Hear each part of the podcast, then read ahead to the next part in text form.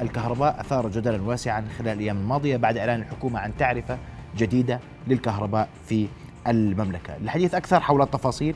ما الذي يحدث؟ من يتأثر؟ من لن يتأثر؟ ورحب بضيفي وزير الطاقة والثروة المدنية الأستاذ صالح الخرابشي مساء الخير سيدي. مساء الخيرات سيدي. أهلا بك أهلاً في نبض. البلد. رؤيا بودكاست.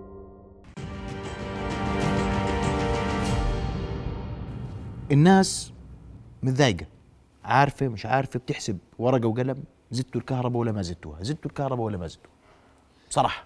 سيدي الكهرباء مساء الخير مساء الخير لجميع الأخوة المشاهدين. حقيقة الكهرباء هو آه، ليس زيادة بمعنى الزيادة ما حدث هو إعادة تبسيط للشرائح الموجودة إعادة هيكلة بسيطة للشرائح الموجودة. على سبيل المثال كان عندنا بالقطاع المنزلي سبع شرائح. كان الاستهلاك لغاية 600 كيلو مدعوم. وأنا بأكد أنه إعادة الهيكلة القديمة. قديما. اللي بنحكي عنها اليوم أيضا اللي استهلاكه أقل من 600 كيلو وات ساعة بالشهر سيبقى مدعوم ولن يتأثر بالهيكلة الجديدة. وبحب أشير أخي محمد هون إلى إنه إحنا عدد الاشتراكات المنزلية عندنا بالأردن حوالي 2 مليون اشتراك منزلي. منهم حوالي مليون و850 ألف هي اشتراكات استهلاكها يقل عن 600 كيلو وات ساعة بالشهر وهذه الشريحة المليون و850 ألف اشتراك لن تتأثر معليك اسمح لي بس أوضحها هاي بالأرقام عشان. هاي مهمة اللي من واحد ل 160 عندنا تقريبا قديش مشترك في الأردن؟ عندنا هاي الشرائح القديمة أنا بدي الشرائح القديمة حوالي القديمة. نص مليون مشترك نص مليون مشترك واللي استهلاكه من 161 ل 300 حوالي 670 ألف مشترك مم. واللي استهلاكه من 301 ل 500 كيلو وات ساعة حوالي 575 ألف مشترك واللي من 501 ل 600 حوالي 117 ألف مشترك. بمجموعهم حوالي مليون و850 ألف من العدد الكلي اللي هو حوالي 2 مليون. هاي اللي فاتورته خمس 600 كيلو فأقل اللي اليوم كأنه نحكي إذا بدنا نحكي عن فلوس اللي بدفع 50 دينار فأقل. هذه الشريحة لن تتأثر على الإطلاق راح تبقى فاتورتها بهذه الحدود. وبالعكس في بعض الأحيان راح تنزل لكن مش بمبالغ بسيطة. أقل من دينار. بس في بعض الشرائح راح تنزل. أما الأساس بالموضوع أنه لن تتأثر فاتورتهم الكهربائية. يعني هي أول مرة بتطبق شهر أربعة صح؟ راح يبدأ تطبيق هذه التعرفة اللي هو أخذ فيها قرار بشهر 8 2021 راح تبدأ تطبيقها ب 1 4 2022 يعني نعم. فاتورة شهر أربعة المواطن الأصل ما الأصل مليون و800 ألف مشترك ما يحسوش فرق ما يحس فيها. هسا إلا إذا في حالات إذا مواطن اليوم بيستخدم عدادين لنفس السكنة وهذا هو أصلا مخالف للتعليمات الأساس إنه إذا في عندي عدادين إنه يكون في عندي عداد للخدمات وعداد للبيت. فإذا العدادين بيستخدمهم للبيت هذه مخالفة هنا قد يتأثر لأنه مطلوب منه إنه هو يسته- يستخدم عداد واحد لكن هاي الاعداد قليلة لا تذكر. فهذه الحالة اللي أنا بدي أأكدها وبدي أقول إنه حتى عداد الخدمات راح يبقى مدعوم. إحنا الدعم اللي بنحكي عنه هنا للشريحة اللي بتستهلك أقل من 600 كيلو وات أو الشرائح اللي بتستهلك أقل من 600 كيلو وات عندنا نوعين من الدعم. أول شيء الدعم على قيمة الكهرباء لأنه إحنا عندنا من 1 إلى 300 كيلو وات راح يكون قيمة الكيلو وات ساعة 5 قروش ومن 301 ل 600 10 قروش. هذا مدعوم على الشريحة على تعرفة الكهرباء تعرفة الكيلو وات وراح يكون أيضا هناك خصم ثابت من قيمة الفاتورة. اللي استهلاكه أقل من 200 كيلو. راح يكون يجي خصم ثابت على الفاتورة بمقدار 2 دينار ونص واللي أكثر من 2 لغاية 600 راح يجي خصم دينارين. فالدعم نوعين. ال- العدادات الخدمات راح تاخذ دعم التعرفة الكهربائية الخمس قروش وعشر قروش لكن ما راح تاخذ قيمة الخصم الثابت على الفاتورة اللي هي الدينارين ونص أو دينارين حسب الشريحة اللي يقع فيها الاستهلاك. اللي فوق ال 600 ملوش خصم ثابت على الفاتورة. اللي فوق ال 600 ما له. هذا الخصم. اللي بتجاوز اللي بتجاوز ال 600 كيلو ما إحنا مشان نكون واقعيين. إحنا اللي بتجاوز ال 600 كيلو يعني المفروض إنه آه، بأتي السؤال هل أنا آه، اللي استهلاكه عالي هل هو مستحق للدعم ولا لا؟ يعني هذا الدعم بالعادة هو آه، جزء من شبكة أمان اجتماعي تستهدف شرائح معينة تستهدف شرائح بحاجة إلى إلى الدعم. اللي بيزيد استهلاكه هو لا مش من ضمن الشرائح المدعومة. لكن بالنسبة للمواطن الأردني. إذا اختار إنه أي مواطن أردني هذه الفئات اللي بتستفيد من الدعم.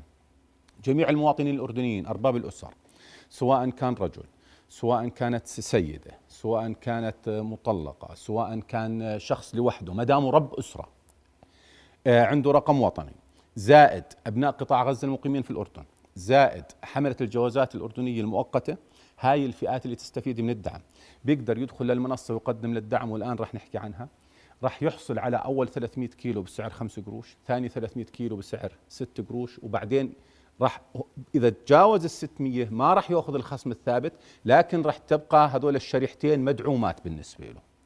شريحة من 1 ل 300 وشريحة من 300 1 ل 600 راح تبقى حسبتهم زي ما هي. تضلها حسبتهم زي ما هي. من ال 601 فما فوق الحسبة بتختلف بتصير الشريحة الثالثة اللي هي 20 قرش للكيلو وات ساعه لكن الشرائح الأولى راح يستفيد من دعم هاي 20 قرش واللي من واحد ل 1000 12 قرش كيف؟ هسا إذا أنت. بتحسبها إذا أنت. آه. بتحسبها ويا سيدي هنا يعني حقيقة صار في تداول كثير لهذا الموضوع إنه لا أنا خليني غير مدعوم أحسن لي واسمح لي أشير إلى إنه كمان كان في تداول ليمكن وجهات نظر كثيرة بعض الفيديوهات لأشخاص إنه لا إذا استهلاكك أقل أكثر من 600 كيلو لا تقدم للدعم لأنه راح تنضر لا سيدي مش هيك يعني بعض الأشخاص ظهر على إحدى الشاشات وبيقول إنه إذا استهلاكك أكثر من 600 كيلو لا تقدم للدعم لأنه أنت راح تدفع أكثر.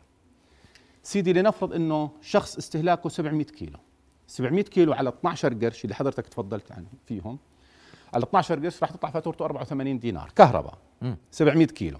لنفرض إنه راح على الشرائح المدعومة. أول 300 كيلو ب 5 قروش هي 15 دينار. ثاني 300 كيلو ب 10 قروش هي 30 دينار. مجموع 45 بقي عندي 100 كيلو فوق ال 600 ب 20 دينار هي 65 دينار. طب هون 65 دينار وهون 84 دينار. كيف أنت بتقول للناس لا تقدموا لأنه ما راح تستفيدوا؟ على 12 قرش إذا بتأخذ أنت لأنه هي من الكيلو واحد ب 12 قرش يا أخي محمد. عندنا هنا بحالة الدعم من الكيلو الأولى هي ب 5 قروش. صحيح. افرض إنه استهلاكه 800 كيلو وات ساعه وإحنا يعني بعض الأشخاص بنصحوا الناس إنه لا تقدموا للدعم. افرض استهلاكك 800 كيلو. سيدي 800 كيلو إذا أنت بدأ ما بدك تقدم للدعم على 12 قرش راح تطلع قيمة الكهرباء 96 دينار. نحسبها على الشرائح المدعومة. أول 300 كيلو ب 15 دينار. هذول ثابتين 30 صحيح. و30 دينار افرض استهلاكه 800 عندي كمان 200 كيلو فوق ال 600 قيمتهم 40 دينار. كم الم- المبلغ الكلي؟ راح يطلع آه، 70 85 85 دينار. دينار. مقارنة باذا استهلاكه 800 ب 12 قرش ب 96 دينار. وين نقطة التعادل؟ فكيف إحنا قاعدين نقول للناس لا تقدم؟ وين النقطة اللي أنا نقطة إذا التعادل عند ال 937 كيلو. إذا أنت استهلاكك أكثر من 937 كيلو قد تختار أنك أنت تروح غير مدعوم. لكن مش أنه والله إذا استهلاكك أكثر من 600 لا ت- لا تقدم وهذول للدعم عددهم قديش سيدي؟ سيدي اللي إحنا بنحكي اللي استهلاكه فوق ال 1000 كيلو وات ساعة تقريبا بالأردن حوالي 1% من العدد الكلي. يعني عددهم حوالي 25000 20 25000 وحقيقة يعني اللي هذا استهلاكه السؤال الكبير هل هو مستحق للدعم أم لا؟ يعني هذا السؤال إحنا بدنا نجاوبه كلنا إحنا بدنا نجاوبه بس ما هو إن- يعني أنا حتى كمواطن إذا استهلاكي فوق الألف كيلو وات ساعة هل أنا مستحق للدعم ولا لا؟ شو اللي أنا سألت هذا السؤال وما حد جاوبني إنه أنا اليوم في كل واحد في بيته بده يعرف قديش استهلاكه في الك... شو اللي بيستهلك عنده شو البيت اللي بيستهلك فوق الألف شو البيت اللي بيستهلك؟ تحت 900 عشان ضلني مدعوم ومستفيد. يا سيدي إذا بتنظر أنت لل- للفواتير ولما بتشوف أنت هون أقل من 600 كيلو ونحكي إنه اللي أقل من 600 كيلو حوالي مليون و850 بده يكون عنده بيته بإنارته ب- ب- بالثلاجة بالغسالة بالجلاية بالتلفزيون بالجيزر بالمكوى بالمكنس الكهربائي كل الأجهزة سيدي. كل الأجهزة هاي موجودة في بيوتنا. يعني أنا بالأمس أحد الأخوة أصحاب السعادة النواب دون ذكر الأسماء بيقول لي أنا سنة ال 21 طول السنة أكثر فاتورة أجتني 39 دينار. إحنا في إحدى النقاشات في مجلس النواب رئيس إحدى رؤساء اللجان بدون ذكر الأسماء أيضا. بيقول أنا أسكن ببيت 800 متر مربع فاتورتي 49 دينار أعلى فاتورة أجتني السنة الماضية. فبالتالي يعني بصير هذا التخوف. هسه إذا كان هناك والله مساحات كبيرة آه، عدد من المكيفات عدد كبير من المكيفات استخدام يمكن غير مضبوط للجيزر الكهربائي استخدام غير مضبوط للمكيفات. تتجاوز هذا كمية الاستهلاك ال 600 كيلو لكن بالأساس كل الأجهزة الموجودة في بيت تستهلك على ال 600 كيلو تبقى تبقى آه، ضمن هذه الشركة. أنا بستعرض ال- هذا معدل استهلاك الأجهزة الكهربائية شهريا. آه، وهي آه، تؤشر إلى يعني وين أنت اتباع اتباع أنماط توفيرية حتى تحافظ على فاتورتك أقل من آه، 600 أو الشريحة أقل من 600 كيلو وات آه، آه، شهريا. وأنا كل كل الاجهزه بتكون في البيت وبقدر أستخدمها وبقدر أكون تحت 600 تحت ال 600 وعدد كبير من هاي الاجهزه بتستخدمها وأنت أقل من ال 300 كمان. تستخدمها وأنت أقل من 300 لكن خليني أشير هون مشان إحنا كمان نكون واضحين. وما نقول إنه والله في معلومات لا سمح الله مضللة. الأجهزة الموجودة اليوم الأجهزة الموجودة بالسوق جميعها أجهزة تستهلك طاقة بكميات قليلة. فهذا يعتمد على وضع الجهاز يعتمد على وضع التمديدات يعتمد على كم ساعة أنت بدك تستخدم هذا الجهاز وهل هو آه، تستهلكه بطريقة آه، مضبوطة ولا إنه والله مكيف شغال 24 ساعة على مدار الساعة ولا لا؟ فهذه لها علاقة أيضا بنمط بنمط الاستهلاك. وأنا هنا اسمح لي من. انت بتقول لي اليوم أنا في والله هذا كنت تنشروا الحكي. ما عندنا مشكلة إحنا ننشر أي عشان الناس تعرف كيف تستهلك. بننشرها ما عندنا مشكلة. أنا سؤالي اليوم أنا اللي بيهمني فاتورتي اليوم صح؟ صحيح. أنا بديش أشوف تأثير على فاتورتي اليوم. بدكم مش تنقصوها كان به بس ما ترفعوهاش. وهذا الكلام يشمل مليون و850 فاتورتك اليوم بالتأكيد أخي محمد فاتورتك اليوم أقل من 50 دينار لن يطرأ عليها أي زيادة ما لم يطرأ تغير جذري على نمط الاستهلاك عندك. يعني ما يكون اليوم عندك والله في البيت مثلا مكيف بتشغله ست ساعات ثمان ساعات اللي هو استهلاكك 500 كيلو بكرة يصير عندك خمس مكيفات وترجع بتقول لي أنا والله فاتورتي زادت. إحنا بنحكي إذا نمط استهلاكك اليوم على فاتورتك 600 كيلو أو 50 دينار فاقل لن تتأثر فاتورتك. لن تتأثر بإعادة الهيكلة اللي إحنا بنحكي عنها هون اللي راح تطبق اعتبار من 1 4 طيب إحنا آه، أنا راح أرجع لك للشرائح مرة ثانية اسمح لي بس قبل ما أرجع للشرائح أكمل آه، قبل ما أرجع للشرائح حتى نأخذ في التفصيل كل شريحة شو مستفيدة؟ واليوم أنت بتقول لي أنا الشرائح لغيتهم و- وفي ناس قلل عددهم. قلت عدد في ناس بتقول لك يا أخي أنت على المدعوم. اعمل له شريحة من 600 ل 1000 ب 12 قرش وفوق ال 1000 15 قرش. ما الذي يمنع؟ عشان أنا أش... ما حدش ما حد يطلع يقول لي والله أنا خسران إذا سجلت الد- الدعم.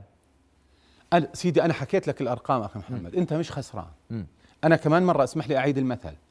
أنا بقول إذا أنت فوق ال 600 كيلو إذا أنت من الشرائح اللي بتستفيد من الدعم لنفرض استهلاكك 700 كيلو. ال 700 كيلو بتاخذ أول 300 كيلو على 5 قروش بضل مدعوم. 15 قرش. وثاني 300 كيلو على 10 قروش 30 دينار هي 45 دينار. بقي عندك ال 100 كيلو ب 20 دينار بيطلع 65 دينار. إذا أنت أخذتهم على غير المدعوم ل 12 قرش راح يطلع ب 84 دينار. 84 مقارنة ب 65 فأنت راح تبقى مستفيد إلى أن يصل استهلاكك إلى 937 كيلو. طيب. وأنا كمان مرة برجع بقول اللي استهلاكهم فوق هذا الرقم بشوي يعني من الألف فما فوق هو نسبتهم 1% يعني بنحكي عن حوالي اثنين آه، بنحكي عن حوالي 20 ألف من مجمل الاشتراكات المنزلية. هذول كسبانين. هذول ال- الآن هم نسبتهم هيك. إحنا آه، كسبانين إذا زاد استهلاكه استهلاكه المرتفع وهذا جزء من إزالة التشوه. قد تنزل فاتورته ليش؟ لأنه إحنا السبع شرائح كان عندنا أول شريحة ثلاث قروش وثلاث فلسات لكن أعلى شريحة 26 قرش ونص. فكان هناك خلل كبير بين أول شريحة وآخر شريحة. فكانت ال- الفكرة إنه أنت تقلص هالفجوة هذه تقلل عدد الشرائح تحافظ على الدعم اللي بتقدمه للغالبيه العظمى من المواطنين ما تتأثر فواتيرهم وهذا اللي صار. شو الضامن؟ الضامن يا سيدي هذا كان كان قرار لمجلس الوزراء. بيتغير. وهنا لا لا هون بدي أشير إلى إنه أنت مطلوب منك تقدم بس على ال- ال- المنصة وتقول أنا بدي الدعم على هذا العداد وراح يجيك خصم على الفاتورة. هذا مش والله مبلغ مالي بده يتحول لحسابك البنكي ولا أنت بدك تروح تستلمه من البنك ولا بأي طريقة أخرى. هو راح يجي خصم ثابت على قيمة فاتورتك. وهذا الموضوع قرار لمجلس الوزراء وقبل الأسبوع الماضي كان في آه، لقاء لدولة رئيس الوزراء مع عدد من الصحفيين. وتعهد به أمام الشعب الأردني وقال إنه هذا الموضوع إحنا لن يتغير. تسمح لي أحكي معك بصراحة. تفضل سيدي. تموين. كان في دعم وراح. محروقات كان في دعم وراح. خبز كان في دعم وراح. وبنعرفش لا كيف اجى ولا كيف راح عشان نتفق. بصراحة أحكي لك. في الخبز قلنا بدنا نوجه الدعم للمستحقين بدنا الأردن يأخذ خبز مدعوم. وبدنا المواطن اللي مش أردني ما يأخذ خبز مدعوم. حقنا. صحيح. وبنحافظ على مواردنا. وهي في الكهرباء بتقول لي اليوم مدعوم ومش مدعوم. الناس كلها خايفة عشان أكون معك صريح.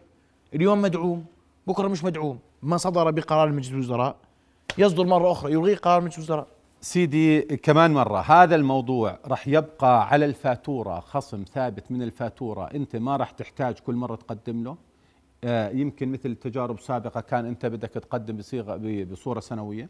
يمكن آه، بعض القرارات كانت أنه آلية التقديم وآلية الحصول على الدعم هي اللي, اللي يمكن غلبت ال- المواطنين. لكن بهاي الحالة هو خصم ثابت رح ينزل على فاتورتك أنت بس بتقدم أني بدي الدعم على هذا العداد وهذا كل اللي أنت تحتاجه. ولن يشا ما راح ما راح ينشال ابدا؟ ابدا. حكومه جاي؟ ما راح ينشال سيدي. ابدا. هذا ما تتعهد به الحكومة. وهذا جاء بقرار مجلس وزراء وهذا التعهد جاء على لسان آه، دولة رئيس الوزراء. وأنا كوزير معني بالقطاع بقول إنه ما راح ينشال الأعزب شو ذنبه؟ الأرملة شو ذنبها؟ هذول الناس شو ذنبهم؟ هذول ما إحنا. قلنا كيف؟ أي رب أسرة الأرملة ربة أسرة بيطلع لها بيطلع لها ال- المطلقة آه، آه، اللي متزوج أكثر من زوجة بيطلع له أكثر من عداد. اللي اللي من المحافظات من محافظة إلى محافظة. آه، عنده بمحافظته اللي هو أصلا مقيم فيها بيته عداد وعنده فرصة عمل بمحافظة ثانية. هذا الموضوع قرار مجلس الوزراء إنه هاي الحالات راح ينظر فيها. اللي والله آه، ابن إحدى المحافظات آه، طلع له تعيين بمحافظة أخرى وبده يروح يعيش مضطر بهذه المحافظة. هذه من الحالات اللي راح يصدر لها تعليمات وراح تعالج. فهذه كل هال كل هالقضايا طالب يا سيدي. ال- الطالب راح راح ينظر له أيضا. الطالب اللي سيشمل الدعم يعني لما محافظة لمحافظة. لا أنا سيدي العدادات المدعومة إحنا قلنا للأسر لها عداد واحد لكن في حالات مبررة ستصدر تعليمات إنها تعالج هذا الموضوع. هو من ضمن هذه الأسرة. فإذا طالب من محافظة اضطر إلى ينتقل إلى محافظة ثانية وبده آه، آه، آه، بده عداد كهربائي مدعوم طبعا بده يكون في إثباتات. هذا ضمن أسس راح راح يتم الإعلان عنها. سواء كان طالب أو سواء كان لغايات العمل. والعزابه راحت عليه. آه، العزابي العزابي الأساس إنه العزابي عايش. سيدي العزابي سيدي الأساس إنه عايش مع أهله. آه. العزابي اللي بنفس المحافظة ما هو كمان أنت إذا بدك تفتحها بهاي الطريقة الأمور ما راح تزبط. بصراحة إذا بده يروح يسجل عداد باسمه وهو مقيم عند أهله ما راح تزبط. بس بعدين أخي محمد يعني قديش أنا عندي عزابي تارك أهله بالمحافظة اللي هم فيها وعايش بمحافظة ثانية ولا هو طالب ولا بيشتغل ولا يعني آه، المنطق بيقول إنه مش معقول رايح قاعد هيك. لا عنده وظيفة ولا هو طالب ولا آه، أي شيء مبرر ومقيم بمحافظة ثانية وبده دعم. فيعني ال- ال- الموضوع مش مش مش راكب. لكن برجع بقول حضرتك أشرت إنه ال- الطالب الموظف اللي من محافظة لمحافظة الأرملة المطلقة المتعدد اللي معدد زوجات كل هذه مشمولين بإنه آه، في مراعاة إنه يكون في أكثر أكثر من عداد للأسرة اللي بتنطبق عليها أسس سيتم وضعها وسيتم الإعلان عنها أسألك سؤال بصراحة تفضل. ليش موجعين راسكم كل السلف؟ ليش كل كل, هذا الموضوع ليش؟ أنت بتقول اليوم عدلنا شرائح بدنا تشو شو شو الفائده؟ شو داخل على الموازنة؟ شكراً سيدي. شو داخل على جبهه الحكومة؟ ولا كيف؟ داخل على جيبة الحكومة ولا فلس ولا داخل لشركة الكهرباء الوطنية ولا فلس لأنه هذه كمان كثير صار في حكي أنه هذا آه، لزيادة إيراد الخزينة إطلاقا آه، في حكي كان أنه لحل مشكلة مديونية شركة الكهرباء الوطنية إطلاقا. كل ما في الموضوع سيدي كلنا بنعرف أنه إحنا عندنا قطاعاتنا الاقتصادية عانت خلال الفترة الماضية من ارتفاع فاتورة الطاقة عانت من ظروف مثل ما عانت القطاعات القطاعات الاقتصادية بكل دول العالم. حقيقة من جائحة كورونا فالهدف الأساسي كان هو تخفيف العبء على هاي القطاعات الإنتاجية القطاع الصناعي والقطاع التجاري والقطاع السياحي والقطاع الصحي والقطاع الزراعي. تخفيف الأعباء عليهم تخفيف كلف مدخلات الإنتاج أو كلف تقديم الخدمة اللي نمكنهم إنه يستمروا نمكنهم إنه ينمو نمكنهم إنهم يقدروا يخلقوا فرص عمل زيادة نمكنهم إنه في حالات كثيرة يزيدوا صادراتهم. فهذا الهدف. المبلغ اللي راح يتم توفيره من إعادة الهيكلة المبلغ اللي راح يتم توفيره هو بشكل رئيسي راح يجي من الشرائح الاستهلاك العالي خليني أحكي دون اللي اللي, فوق ال- الحد اللي لازم يدعم زائد وهذا مهم جدا إحنا كل الضيوف المقيمين عندنا بالأردن اللي من غير هاي الثلاث فئات اللي حكينا عنها اللي بتستحق الدعم هم ياخذوا الكهرباء بسعر مدعوم. وإحنا بصراحة بوضع ما بيمكننا إنه إحنا نقدم هذا الدعم للأجانب. وهذا هذا إجراء معمول فيه بكثير من دول العالم. المواطن له دعم الغير مواطن بده يدفع بال- بالكلفة. فهذا المبلغ اللي راح يتم الحصول عليه راح يتم توجيهه بالكامل للقطاعات الإنتاجية. وإذا سمحت لي أنا أستعرض سريعا نسب التخفيض. على القطاعات تفضل. المختلفة إلا إذا في سؤال وبدك أرجع له. هذا القرار. قرار حكومة أردنية ولا قرار بالتوافق مع البنك قرار الدولي حكومة أردنية. مش البنك الدولي بده قرار هيك؟ حكومة أردنية. مش البنك الدولي بده هيك؟ سيدي قرار حكومة أردنية هذا. هذا قرار حكومة أردنية. والحكومة الأردنية قبل فترة أيضا أخذت قرار اللي له علاقة بموضوع الجمارك أيضا للتخفيف على القطاعات الاقتصادية المختلفة. هناك كثير من القرارات اللي أخذت واللي تدرس للتخفيف على القطاعات الاقتصادية لتنشيط الحركة الاقتصادية لتحقيق معدلات نمو اقتصادي بتمكن الاقتصاد من خلق فرص عمل لاستيعاب الأعداد الكبيرة اللي قاعدة تدخل لسوق العمل حاليا بالإضافة إلى الأعداد الموجودة، فهذا همنا الأكبر وهذا اللي يتم العمل عليه الآن. سيدي بس أنا بدي أشير. سريعا إلى إنه القطاعات القطاعات الصناعية، بدي أضرب مثال قطاع الصناعي المتوسط مثلا. القطاع الصناعي المتوسط مجموع التخفيف أو التخفيض عليه راح يصل إلى حوالي 14.6% قطاع الصناعات الكبير حوالي 4% قطاع الصناعات الاستخراجية حوالي 4.6% بالمجموع القطاع الصناعي التخفيف عليه راح يكون أو تخفيض ال- ال- التعرفة الكهربائية عليه طبعا هذا بالإضافة إلى مطلب كان للقطاع الصناعي بإلغاء تعرفة الحمل الأقصى. وبالمناسبة تم إلغاء تعرفة الحمل الأقصى لكل القطاعات الإنتاجية. فكأنه قاعدين بنقول إنه خفضنا سعر فاتورة الكهرباء على القطاع الصناعي بالمجمل من مجمل استهلاكه بحوالي 10% وهذه بعتقد إنها نسبة نسبة معقولة ومقبولة جدا. بالنسبة للقطاع التجاري أيضا كان مجموع التخفيض عليه حوالي 6 و7 بالعشرة بالمية. القطاع الزراعي حوالي 9 بالمية. القطاع الفندقي حوالي 10 بالمية. آه، الفندقي اجمالا كان مجموع التخفيض عليه حوالي 10 و4 بالعشرة بال- بالمية. آه، المستشفيات الخاصة حوالي 12.5% مجموع هذا التخفيض بنحكي عن إذا بدنا نحولها هاي النسب إذا بدنا نحولها لمبالغ بنحكي عن تقريبا 50 مليون دينار. اللي ممكن اللي كان متوقع إنه يتم الحصول عليها نتيجة إعادة الهيكلة بشكل رئيسي اللي اشرت له إنه موضوع الأجانب راح يتم توجيهها لقطاعات الإنتاجية المختلفة. لن يدخل الخزينة فلس واحد لن يستخدم فلس واحد لمعالجة المشاكل المالية اللي بتعاني منها شركة الكهرباء الوطنية. إحنا شركة الكهرباء الوطنية هناك خطة تتضمن عدد من الإجراءات عدد كبير من الإجراءات للتعامل مع الوضع المالي الصعب اللي بتعاني منه شركة الكهرباء الوطنية وبدأنا بتنفيذها وإن شاء الله أنه نستطيع أنه نحطها على الطريق الصحيح وعلى طريق الاستدامة المالية طيب. خلال الأيام خلال كويس. الفترة القادمة. كل هذا منيح؟ بس أنت قلت القطاعات هاي مستفيدة. صحيح. وعد ليش عدلنا الشرائح؟ معلش اسمح لي. بس عشان الفرق بين الشريحة الأقل والأعلى؟ أنت اليوم بتقول لي أنا والله بدي أعالج ال- القطاعات. هاي القطاعات كويس خفضنا عليهم الكهرباء. وأخذت أنا كهرباء من الغير أردني. صحيح. ليش عدلنا شرائح؟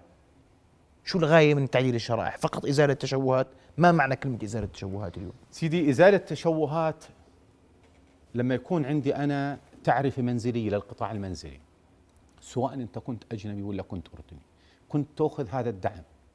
كنت تأخذ هذا الدعم. ال- الفروقات الكبيرة اللي كانت بين الشرائح.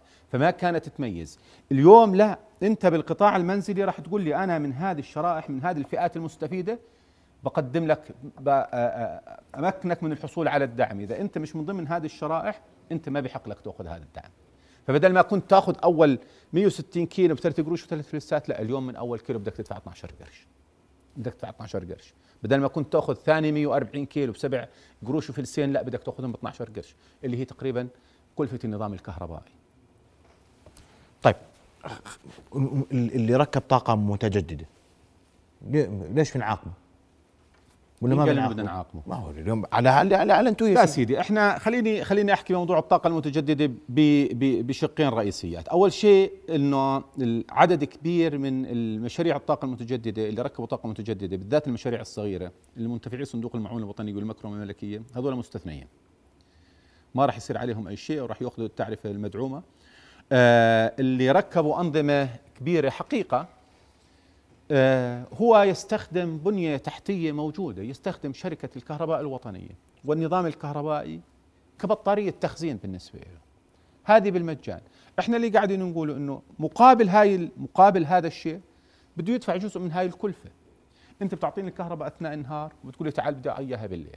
بدل هذا التخزين بدك تدفع جزء من من من من هالكلفة. آه، القرار كان إنه راح يتم معاملتهم آه، على أساس إنهم غير مدعومين. فإحنا بنقول إنه اللي استهلاكه بالمجمل أقل من 600 كيلو بالمجمل أقل من 600 كيلو هذا راح يتم وضع أسس للتعامل مع هذه الشريحة واللي بالمناسبة هم الغالبية العظمى من مستخدمي أنظمة الطاقة المنتجة. إيش يعني نحط أسس؟ معلش. يعني خليني أقول لك إنه إحنا عندنا تقريبا أنظمة الطاقة اللي مربوطة على نظام صافي القياس بالمنازل بمجموعها حوالي 34 ألف نظام. طبعا هذه تبدأ من قدرة آه، ثمانية وثمانية بالعشرة وتتدرج إلى واحد واحد ونص واثنين وثلاث إلى آخره. فإحنا اللي قاعدين نقوله اللي استهلاكه أقل من 600 كيلو لأنه هذه الشريحة اللي أنا مستهدفها وهاي اللي بدي أدعمها هذا راح يكون له معاملة خاصة وراح يتمتع بنوع من أنواع الدعم بالتأكيد. وإحنا ما بنقول إنه والله آه، آه، آه، هذا شو ذنبه؟ هذا هذا موجود اليوم؟ مش موجود. قدام الناس مبين؟ مش مبين. سيدي هي إحنا قاعدين نوضحه. إحنا هذا الهدف من الظهور ال- ال- مع إعلاميين مميزين مثل حضرتك تسلم محمد إنه إحنا هذه الرسالة نوصلها. إحنا للناس ونوضح يعني جماعة الطاقة المتجددة اللي تحت ال 600 اللي سيعاد استهلاكه أقل من 600 راح يكون له معاملة خاصة. بحيث إنه ما المفروض انه تفرقش معاه زيه زي غيره. المفروض انه انه انه انه, إنه ما تفرق معه وياخذ على ال- الشرائح المدعومة مثله مثل غيره من الاردنيه هذا متى متوقع يصير؟ سيدي إحنا إحنا التعرفة من هنا راح تطبق بواحد أربعة. إحنا اليوم بنص شهر واحد وعندنا شهر اثنين وعندنا شهر ثلاث. إحنا بنستمع إلى الملاحظات وجميع الملاحظات اللي بتجينا في بعض القضايا بندرسها. مثل ما حكينا قبل شوي راح يكون هناك أسس للأسر اللي ممكن تحصل على أكثر من عداد سواء كانت أسرة في في محافظة يشتغل رب الأسرة في محافظة أخرى أو كان ابن لهم طلع له شغل في محافظة أخرى أو في الجامعات كل هاي القضايا رح ندرسها وراح يكون هناك في لها تعليمات وراح يتم الإعلان عنها قبل بفترة كافية للتعامل مع مثل مع مثل هاي الحالات. يعني معليك أنا بفهم من كلامك اليوم إنه ما في أردني راح يحس حاله مظلوم في موضوع الكهرباء. إن شاء الله لا. وباب الوزارة مفتوح. باب الوزارة مفتوح. بحكي معك بصراحة لأنه اليوم سيدي, اليوم كل أردني راح يستنى فاتورة 30 4 سيدي أي مواطن عنده أي إشكالية إحنا موجودين شركات توزيع الكهرباء موجودة الهيئة موجودة آه، آه، كل مؤسساتنا موجودة للاستماع لأي آه، شكوى. زملائنا بوزارة الاقتصاد الرقمي والريادة اللي أشرفوا على تطوير المنصة. موجودين ويمكن ضروري نحكي عن المنصة هيك. سريعا اذا تفضل. اذا طبعاً. لا لا إذا كملت لا اسئلتك تفضل أنا كملت اسجل بدي يعني موضوع. لا لا موضوع المنصة لأنه كمان في تخوف إنه المنصة وكيف بدي أسجل عليها والعملية صعبة مش صعبة المنصة المطلوب اللي بده يدخل يسجل على المنصة أو على نظام الحصول على الدعم شغلتين بده يكون معه دفتر العائلة بده يكون معه فاتورة كهرباء بده رقم الوطني بده تاريخ ميلاده بده رقم دفتر العائلة بده يكون معه رقم تليفون اللي مشان تيجي له الرسالة إنه آه، للتأكيد ال- ال- البيانات اللي بدخلها. بعد هيك بده يختار شركة الكهرباء اللي تابع لها هو. إحنا عندنا ثلاث شركات كهرباء. عندنا بالوسط شركة الكهرباء الأردنية عندنا بالشمال شركة كهرباء محافظة أربد ومناطق الأغوار والمناطق الجنوبية شركة توزيع الكهرباء زائد المناطق الشرقية طبعا. وبعد هيك بده يدخل رقم العداد وبده يدخل رقم ال ال ال ال ال ال الفاتورة. إحنا آه، اللي بدنا نقوله إنه سواء كان العداد باسمك أو مش باسمك سواء كنت مستأجر هذا ما له علاقة بعملية التسجيل على المنصه كل ما في الموضوع أنت عندك رقم وطني بتختار رقم العداد اللي بدك تأخذ عليه الدعم. في ناس بيسأل طب لازم العداد يكون باسمي؟ لا مش ضروري يكون باسمك. طب أنا مستأجر والعداد باسم صاحب البيت لا مطلوب منك عقد إيجار ولا مطلوب منك إنه العداد يكون باسمك. كل الربط أنا إيه؟ صاحب العلاقة أنا حر شو أسجل اسمي. أنت بالسكنة اللي أنت فيها العداد الكهرباء اللي بتأخذ منه الكهرباء بتقول أنا هاي رقم الوطني وهي رقم دفتر العائلة أنا بشركة كهرباء تختار شركة الكهرباء وهذا رقم العداد اللي أنا بدي عليه الدعم. بس. وانتهى الموضوع. انتهى الموضوع. ولا أسئلة أخرى. هسه أنت بدك تعبر بده رقم إذا- تاريخ الميلاد. يعني البعض بيسألني إذا أنا كنت ساكن في في آه، منطقة تجارية. عدادي سكني. شو التعامل معي؟ أنا كيف منطقة تجارية؟ إنه ساكن في في مجمع تجاري مثلا. ساكن ماخذه سكني. هسه المجمع التجاري إذا إذن الأشغال عندك أنت لهذا لشيء تجاري المفروض إنه العداد يطلع تجاري. التجاري هو يستخدم للتجاري مش للسكن. يعني بقدرش أنا أجي أقول والله هذا مجمع تجاري وأنا والله ساكن فيه وأخذ عداد سكني وأروح أستخدمه تجاري. الأساس إنه يتبع إذن الأشغال. إذن الأشغال هنا طلع تجاري معناته العداد تجاري. كله يتبع اثنين اشغال يتبع إذن الأشغال. في موضوع تصنيف هذا هذا حسب القوانين موجود. هذا موضوع مش إنه والله أنا بتحكم فيه. أنت لما بدك تروح على على البلدية أو على الأمانة بدك تأخذ إذن أشغال بده يكون إيش نوع المبنى اللي أنت فيه؟ هل هو صناعي؟ كويس. هل هو تجاري؟ هل هو سياحي؟ هل هو سكني؟ حسب إذن الأشغال جميل. يطلع العداد. الناس تسأل قديش كلفه كيلو وات؟ أكثر من رقم سمعنا بدنا رقم منك دقيق. قديش كلفه كيلو وات عليكم؟ سيدي كلفه الكيلو وات علينا 10 قروش وفلسين.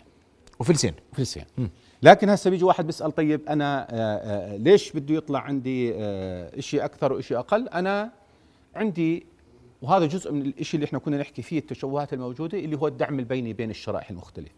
يعني أنا لما بدي أعطي الغالبية العظمى أول 300 كيلو على 5 قروش. وبعد هيك على 10 قروش. ففي جزء من هذا الموضوع بيجي دعم بيني ما بين الشرائح. وما تبقى هو بتتحمله شركة الكهرباء الوطنية.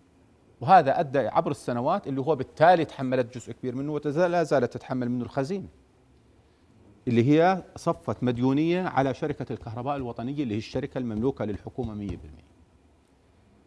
فهذا أدى إلى تراكم خسائر جميل. لأنه معدل سعر الشراء أو كلفة الطاقة الكهربائية مقارنة مع معدل سعر البيع بحكي معدل سعر البيع بين القطاعات المختلفة. يعني لما أنا أجي أحكي هون مثلا عندي القطاع الزراعي اليوم الليلة بعطيه كيلو الكهرباء 4 قروش 9 فلسات آه، إذا بعطي زراعي تعرفة مستوية بعطيه على 6 قروش والكلفة عندي 10 قروش. فالدعم البيني ما لا يكفي لتغطية هاي الفروقات. الباقي تتحمله الدولة. أسألك سؤال أخير. تفضل. لأنه إحنا وقتنا انتهى. أنا كنت أسألك في ملف الذهب وملف النفط وملف. بس هذا في يوم آخر. خلينا اليوم. خلينا الكهرباء خلي الكهرباء. بس سؤالي اليوم. وهي تساؤلات انطرحت على هذه الطاولة. لماذا لا نعالج التشوهات في ملف الطاقة؟ بأجمله. في موضوع الكهرباء. في العلاقة بين شركات التوزيع وشركات الإنتاج. سيدي أنا أشرت إلى إنه إحنا المبالغ المتاتيه من من إعادة الهيكله هون لن تستخدم لا كإيراد للخزينة ولا لمعالجة المشاكل اللي بتعاني منها شركة الكهرباء الوطنية. وقلت إنه إحنا عندنا مجموعة من الإجراءات حوالي 15 إجراء بدأنا بالعمل عليها لمعالجة المشاكل اللي بتعاني منها شركة الكهرباء الوطنية. فالموضوع سيدي وهذا كان في عرض لمجلس الوزراء وبدأنا ب- بتنفيذ هذه الخطة. وإن شاء الله أنه إذا راح نصل إلى مرحلة أنه نوصل شركة الكهرباء الوطنية اللي هي لل 100% للحكومة اللي بالتالي ملك الدولة الأردنية إلى حالة التوازن المالي اللي نوقف الخسارة اللي بتؤدي إلى تراكم المديونية وسنوقف التشوهات في قطاع الطاقة إن شاء الله راح نوقفها أنا معليك بدي أشكرك كل الشكر على صراحتك وعلى وجودك معنا الليلة نأمل أن نكون أجبنا. على أسئلة الناس إن شاء الله وأي أسئلة سترد سنرسلها. لكم أيوة. للحصول على الإجابات عليها أشكرك كل الشكر معليك. شرفني بحضورك شكراً. شكرا جزيلا لك شرفت. رؤيا بودكاست.